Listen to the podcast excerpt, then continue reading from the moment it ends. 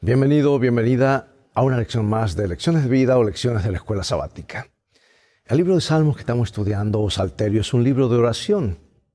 Cualquiera sea el tema, ya sea alabanza, lamento, la esperanza mesiánica, el reino de Dios o la historia de la redención, los salmistas manifiestan una gran confianza en el Señor.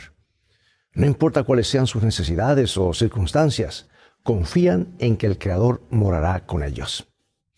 Bueno, la semana pasada consideramos la supremacía de Dios y cómo como divino soberano se lo describen los salmos, es decir, como nuestro Creador, Rey y Juez. Y estas representaciones y las declaraciones de fe que surgen de ellas inspiran a los salmistas la confianza para creer que Dios librará a sus hijos de cualquier circunstancia difícil. Consideremos pues cuidadosamente e internalicemos esta maravillosa seguridad. Quiero que estés preparado para compartir con los miembros de tu clase, en la escuela sabática o en tu grupo pequeño, el entusiasmo que genera esta esperanza. Mantente en sintonía.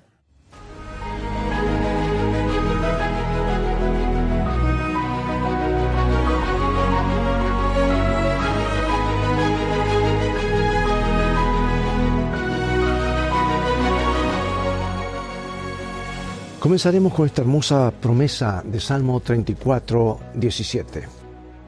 Claman los justos y Jehová oye y los libra de todas sus angustias. ¿No es esto una promesa maravillosa? Una y otra vez, Salmos pone de relieve la verdad de que el Señor soberano, quien creó y sostiene el universo, también se revela como un Dios personal que inicia y mantiene una relación con su pueblo. Dios está cerca de su pueblo y de su creación, tanto en el cielo como en la tierra. Y aunque estableció en el cielo su trono y cabalga sobre las nubes, dice el Salmo, también está cerca de todo aquel que lo invoca, de los que lo invocan de veras. Y los salmos sostienen invariablemente la verdad de que el Señor es el Dios vivo, que actúa en favor de quienes lo invocan. Los salmos son significativos precisamente porque están motivados y dirigidos al Dios vivo que escucha y responde las oraciones. Ahí viene el poder de los salmos, por eso hay algo maravilloso que debemos incluir en nuestra adoración diaria. Y debemos recordar que la respuesta adecuada a la cercanía del Señor consiste en una vida de fe en Él y de obediencia a sus mandamientos. Nada que no sea esta fe y obediencia será aceptable para Él, como a menudo reveló la historia de Israel. Observa ahora este salmo tan profundo, Salmo 139, y dice así, Oh Jehová, tú me has examinado y conocido. Tú has conocido mi sentarme y mi levantarme. Has entendido desde lejos mis pensamientos. Has escudriñado mi andar y mi reposo. Y todos mis caminos te son conocidos. Pues aún no está la palabra en mi lengua y aquí, oh Jehová, tú la sabes toda. Detrás y delante me rodeaste y sobre mí pusiste tu mano. Tal conocimiento es demasiado maravilloso para mí. ¿A dónde mires de tu espíritu? ¿Y a dónde huiré de tu presencia? Si subiese a los cielos, allí estás tú, y si en el Seol, y si en mi estrado, aquí allí tú estás. Si tomare las alas del alba y habitar en el extremo del mar, aún allí me guiará tu mano y me asirá tu diestra. Porque tú formaste mis entrañas y tú me hiciste en el vientre de mi madre. Te alabaré porque formidables, maravillosas son tus obras. Estoy maravillado y mi alma lo sabe muy bien. No fue encubierto de ti mi cuerpo, bien que en oculto fui formado y entretejido en lo más profundo de la tierra. Mi embrión vieron tus ojos y en tu libro estaban escritas todas aquellas cosas que fueron luego formadas, sin faltar una de ellas. Cuán preciosos me son, oh Dios, tus pensamientos. Cuán grande es la suma de ellos. Qué maravilloso. Pregunta, ¿alguna vez quisiste ayudar a alguien pero no tenías los medios? Del mismo modo, algunos, algunos intentaron ayudarte pero no comprendieron tus necesidades. Pero a diferencia incluso de las personas más afectuosas y con las mejores intenciones, Dios nos conoce perfectamente y sabe quiénes somos, cuáles son nuestras circunstancias y también cuáles son los medios para ayudarnos. Por eso sus promesas de ayuda y liberación no son temas superficiales, sino certezas firmes. El conocimiento que Dios tiene del salmista es tan grande y único que ni siquiera el vientre de su madre podría ocultarlo de Dios. El conocimiento divino abarca el tiempo, el ser interior y el espacio, toda la existencia del salmista. El maravilloso conocimiento de Dios proviene del hecho de que Él es el creador y de su estrecha relación con las personas y se manifiesta en su cuidado por ellas. Bien, esta maravillosa verdad, amados, de que Dios nos conoce íntimamente, no debe asustarnos, sino impulsarnos a los brazos de Jesús por lo que Él ha logrado por nosotros en la cruz. Porque por la fe en Jesús se nos ha dado su justicia, la justicia de Dios mismo. La presencia de Dios se pone de relieve al describir que Dios llega hasta el sepulcro, hasta el Seol y las tinieblas, lugares en los que Dios no suele habitar su presencia también se representa como si tomara las alas del alba, o sea, yendo hacia el este, para llegar hasta el extremo del mar, o sea, al oeste. ¿Sabes que estas imágenes transmiten la, transmiten la verdad de que no hay lugar en el universo donde podamos estar fuera del alcance de Dios? Aunque Dios no forma parte del universo, como algunos creen, el panteísmo está cerca de Él, pues no solamente lo ha creado, sino también lo sostiene como aquel que sabe que sabe todo sobre nosotros, Dios puede ayudarnos y restaurarnos. El nuevo descubrimiento de su grandeza provoca el salmista un estallido de alabanza y confianza renovada. Acoge el escrutinio divino como el medio que puede eliminar de su vida todo lo que perturba su relación con Dios. Para algunos, el hecho de que Dios sepa tanto sobre ellos, incluso sus secretos más oscuros, puede ser un pensamiento bastante aterrador. ¿Por qué entonces el Evangelio es nuestra única esperanza? Si no fuese por el Evangelio, estaríamos totalmente desesperanzados. Andaríamos a tienta por este mundo. Pero también, amados, podemos experimentar la seguridad del cuidado de Dios. ¿Cómo es que interviene Dios en nuestros asuntos diarios, en nuestros asuntos cotidianos? Vamos al Salmo 40, 50, 55 y el 121. Son varios salmos que veremos ahora. Pacientemente esperé a Jehová y se inclinó a mí y oyó mi clamor y me hizo sacar del pozo de la desesperación, del lodo cenagoso. Puso mis pies sobre la peña y enderezó mis pasos. Puso luego en mi boca cántico nuevo, alabanza a nuestro Dios. Verán esto muchos y temerán y confiarán en Jehová. E invócame en el día de la angustia, te libraré y tú me honrarás. Alzaré mis ojos a los montes, ¿de dónde vendrá mi socorro? Mi socorro viene de Jehová que hizo los cielos y la tierra. No dará tu pie al resbaladero, ni se dormirá el que te guarda. He aquí no se adormecerá ni dormirá el que guarda Israel. Hermosas palabras, ¿verdad? El Señor se revela en las Escrituras como el Dios vivo que actúa en favor de quienes lo invocan. Y el salmista afirma, al Señor he puesto siempre delante de mí. Por eso confía en Dios y lo invoca. El Señor lo escuchará, incluso cuando clame desde lo profundo, donde a entender que ninguna circunstancia de la vida escapa al dominio soberano de Dios. Así el clamor del salmista, aunque es urgente, nunca carece de esperanza. Bueno, el Salmo 121, por su parte, celebra el poder creador en la vida del que es fiel. Este poder incluye, número uno, no dejará que tu pie resbale. O sea, la imagen del pie que a menudo describe el camino de la vida, ¿verdad?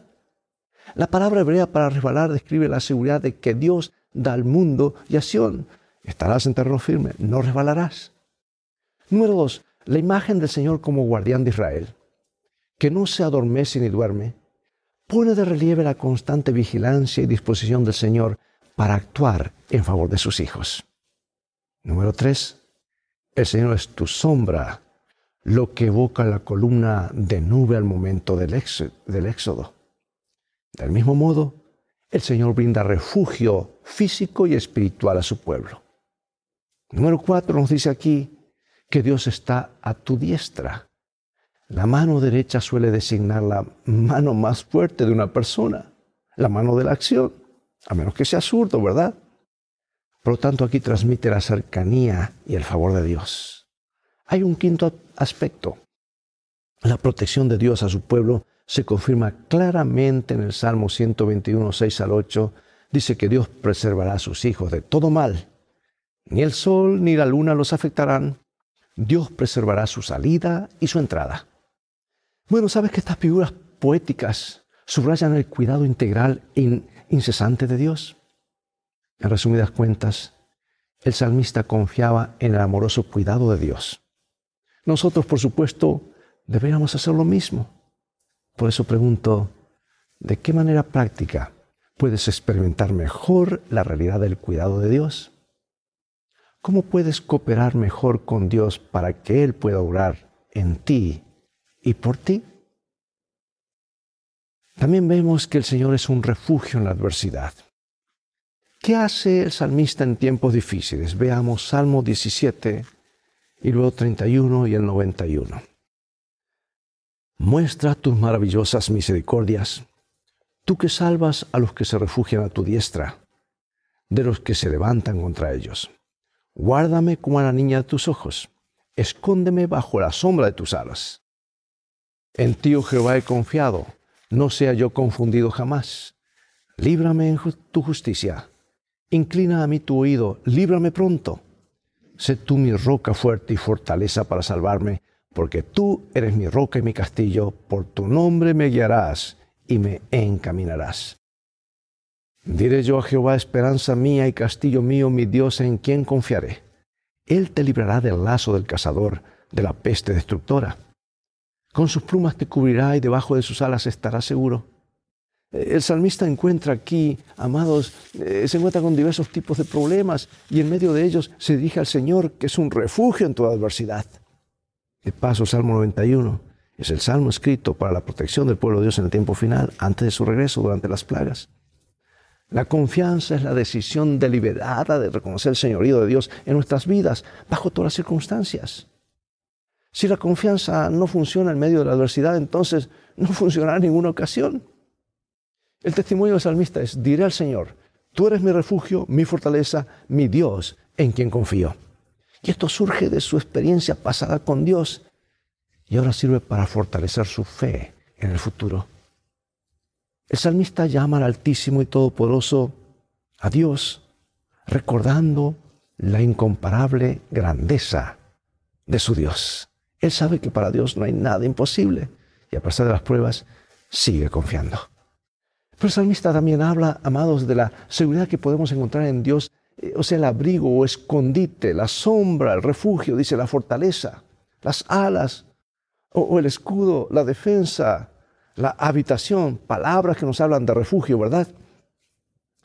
Estas imágenes representan refugios seguros en la cultura del salmista. Basta pensar en el calor insoportable del sol en aquella parte del mundo para apreciar el abrigo o la sombra, ¿verdad? O recordar los tiempos de guerra en las historias de Israel para valorar la seguridad que brinda el escudo o la defensa. Pero veamos qué imagen se utiliza aquí que, y, qué revela. Vamos a Salmo 17 y San Mateo capítulo 23. Guárdame como a la niña de tus ojos, escóndeme bajo la sombra de tus alas. Jerusalén, Jerusalén, que matas a los profetas y apedreas a los que te son enviados. ¿Cuántas veces quise juntar a tus hijos como la gallina junta sus polluelos debajo de sus alas? y no quisiste. Aquí está una de las metáforas más íntimas en la que se refiere a estar bajo la sombra de sus alas. Esta metáfora produce consuelo y seguridad al señalar la protección de un ave madre, ¿verdad? Se compara al Señor con un águila que protege a sus crías con las alas y con una gallina que junta sus polluelos bajo sus alas.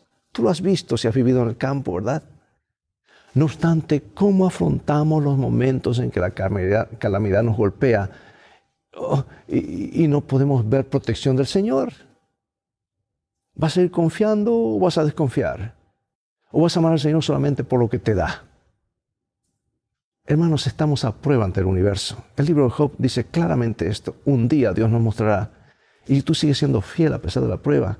Es como un golpe en la cara directamente al diablo ante el universo, que tú sigues por amor y no por conveniencia. Pronto Jesús nos dará todas las cosas. Todo lo que el diablo nos robó por las mentiras, Jesús nos las dará porque confiamos en Él y las cosas van a terminar bien. ¿Significa que estos traumas que estás pasando es que Dios no está contigo? No, de ninguna manera. Estamos a prueba. Pronto la prueba pasará. Jesús nos dará la victoria. Confía, las cosas van a terminar bien. Por eso eres no solamente nuestro defensor, es nuestro libertador. ¿Y cómo describe Pablo la historia del Éxodo? ¿Y qué lección espiritual busca enseñar con ella? Él repasaba la única Biblia que existía en sus días. Y dice aquí en 1 Corintios 10, 1 al 4. Porque no quiero, hermanos, que ignoréis que nuestros padres todos estuvieron bajo la nube y todos pasaron por el mar. Y todos en Moisés fueron bautizados en la nube y en el mar. Y todos comieron el mismo alimento espiritual y todos bebieron la misma bebida espiritual. Porque bebían de la roca espiritual que los seguía y la roca era Cristo. Pero ahora veamos el Salmo 114. Cuando salió Israel de Egipto, la casa de Jacob del pueblo extranjero, Judá vino a ser su santuario e Israel su señorío. El mar lo vio y huyó. El Jordán se volvió atrás. Los montes saltaron como carneros, los collados como corderitos. ¿Qué tuviste, oh mar, que huiste? ¿Y tú, oh Jordán, que te volviste atrás? Oh montes, ¿por qué saltasteis como carneros y vosotros collados como corderitos? A la presencia de Jehová tiembla la tierra, a la presencia del Dios de Jacob, el cual cambió la peña en estanque de aguas y en fuente de aguas la roca. Sabes que el Salmo 114 se describe poéticamente aquí la, maravillosa liberación de sus hijos de la esclavitud de Egipto. Y a lo largo de todo el Antiguo Testamento, incluso el Nuevo Testamento, la liberación de Egipto es considerada un símbolo del poder de Dios para salvar a su pueblo. Y Pablo en estos versículos de Corintios hace exactamente eso. Al considerar toda la historia real como una metáfora, un símbolo de la salvación en Jesucristo. Pero hay algo más en Salmo 114 porque describe la liberación divina mediante la soberanía de Dios como creador sobre los poderes de la, naturaleza. El Señor tiene el dominio sobre la naturaleza, sobre el mar, sobre los ríos, sobre las fuentes de las aguas, sobre el cielo. Que fue la manera en que salvó a su pueblo del éxodo, en el éxodo.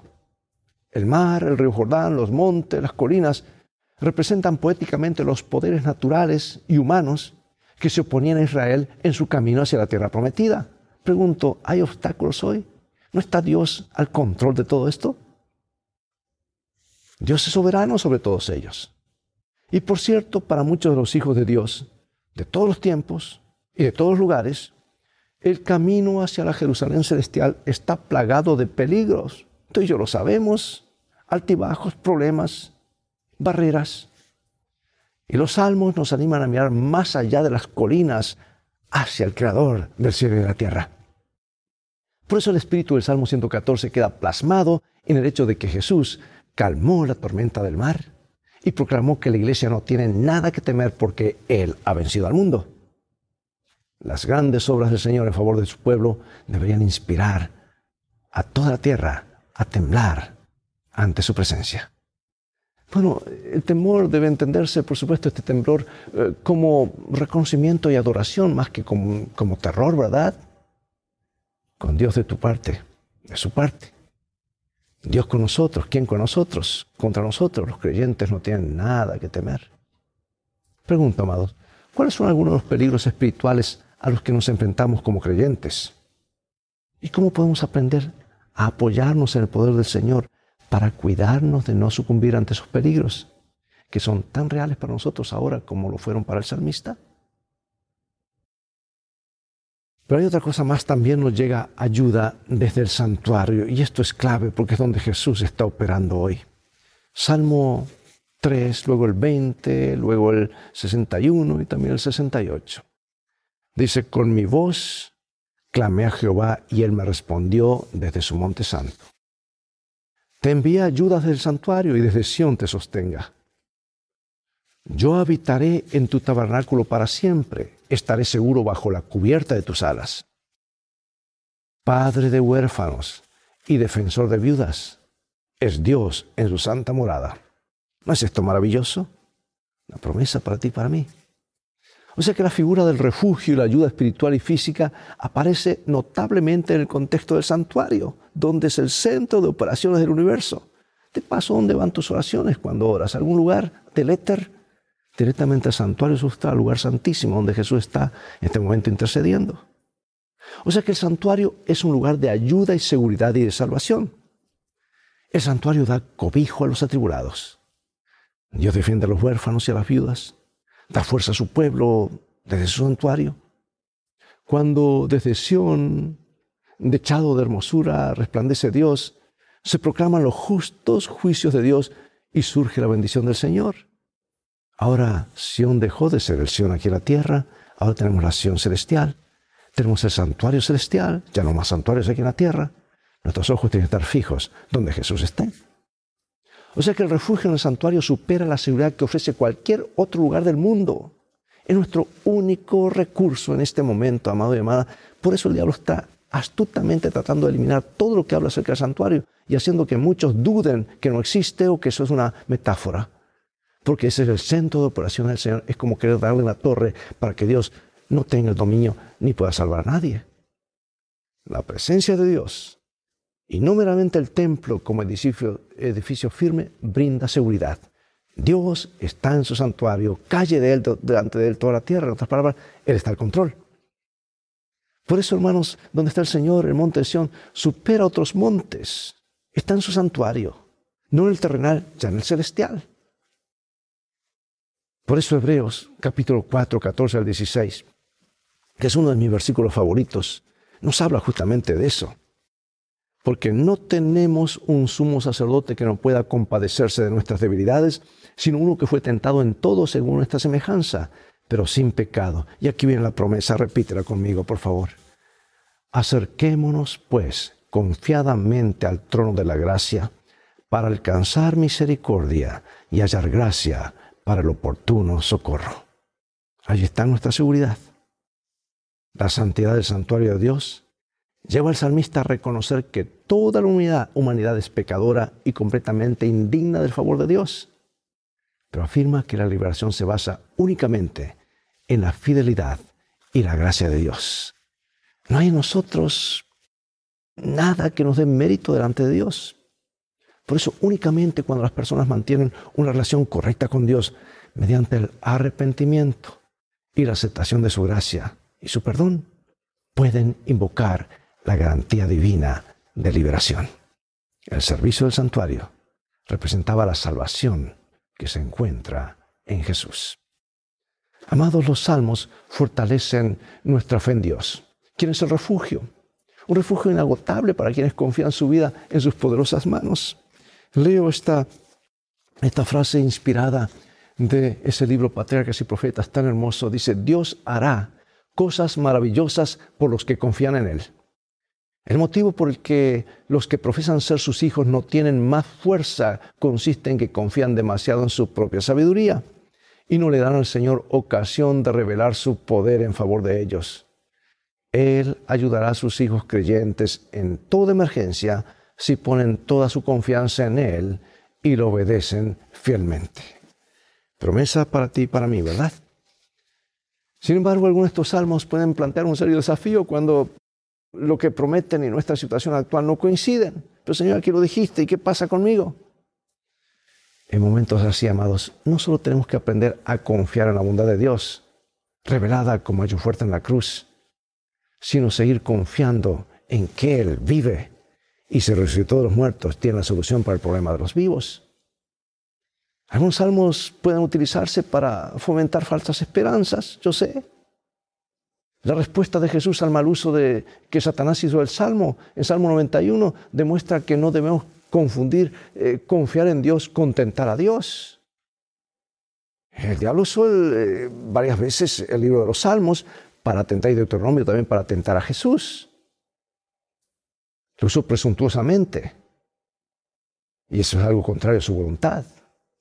Por eso se nos ha dicho que las mayores victorias de la iglesia de Cristo o del cristiano no son las que se ganan mediante el talento, la educación, la riqueza o el favor de los hombres. Son las victorias que se alcanzan en la cámara de audiencia con Dios, cuando la fe fervorosa y agonizante se hace del poderoso brazo de la omnipotencia. Ahora, ¿cómo se entienden estas situaciones y cómo pueden sucederle a la gente incluso con todas las maravillosas promesas de los salmos respecto a la protección de Dios? Piensa en esto. ¿Acaso el salmista que escribió acerca de estas maravillosas promesas no sufrió adversidades o no conoció personas fieles que también las sufrieron? De este lado de la eternidad tendremos que padecer muchas cosas, pero sigamos confiando. Por eso pregunto, ¿cómo podemos desarrollar una confianza incondicional en Dios en todas las circunstancias? ¿Qué puede hacernos perder esta confianza? ¿Por qué la confianza en Dios en los buenos momentos es crucial para aprender a confiar en Él también en los malos? Algo que debemos practicar. Y los pequeños vientos nos preparan para los huracanes que se acercan. Y ahora, amados, para finalizar.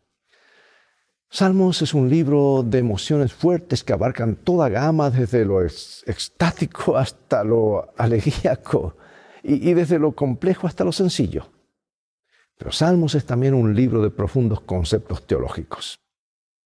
Las verdades bíblicas estudiadas hoy esta semana, ricas en imágenes y metáforas, contienen maravillosas promesas que podemos reclamar en nuestras luchas diarias. Clamemos, esa es nuestra tarea, en el tiempo de Dios. Él nos sorprenderá con algo mayor de lo que nosotros nos imaginamos. Porque al leer estas imágenes y figuras de los salmos, debemos tomarnos el tiempo para meditar sobre ellas. Debemos también usar nuestra imaginación para comprender mejor las verdades encapsuladas en estas profundas imágenes de, palabras.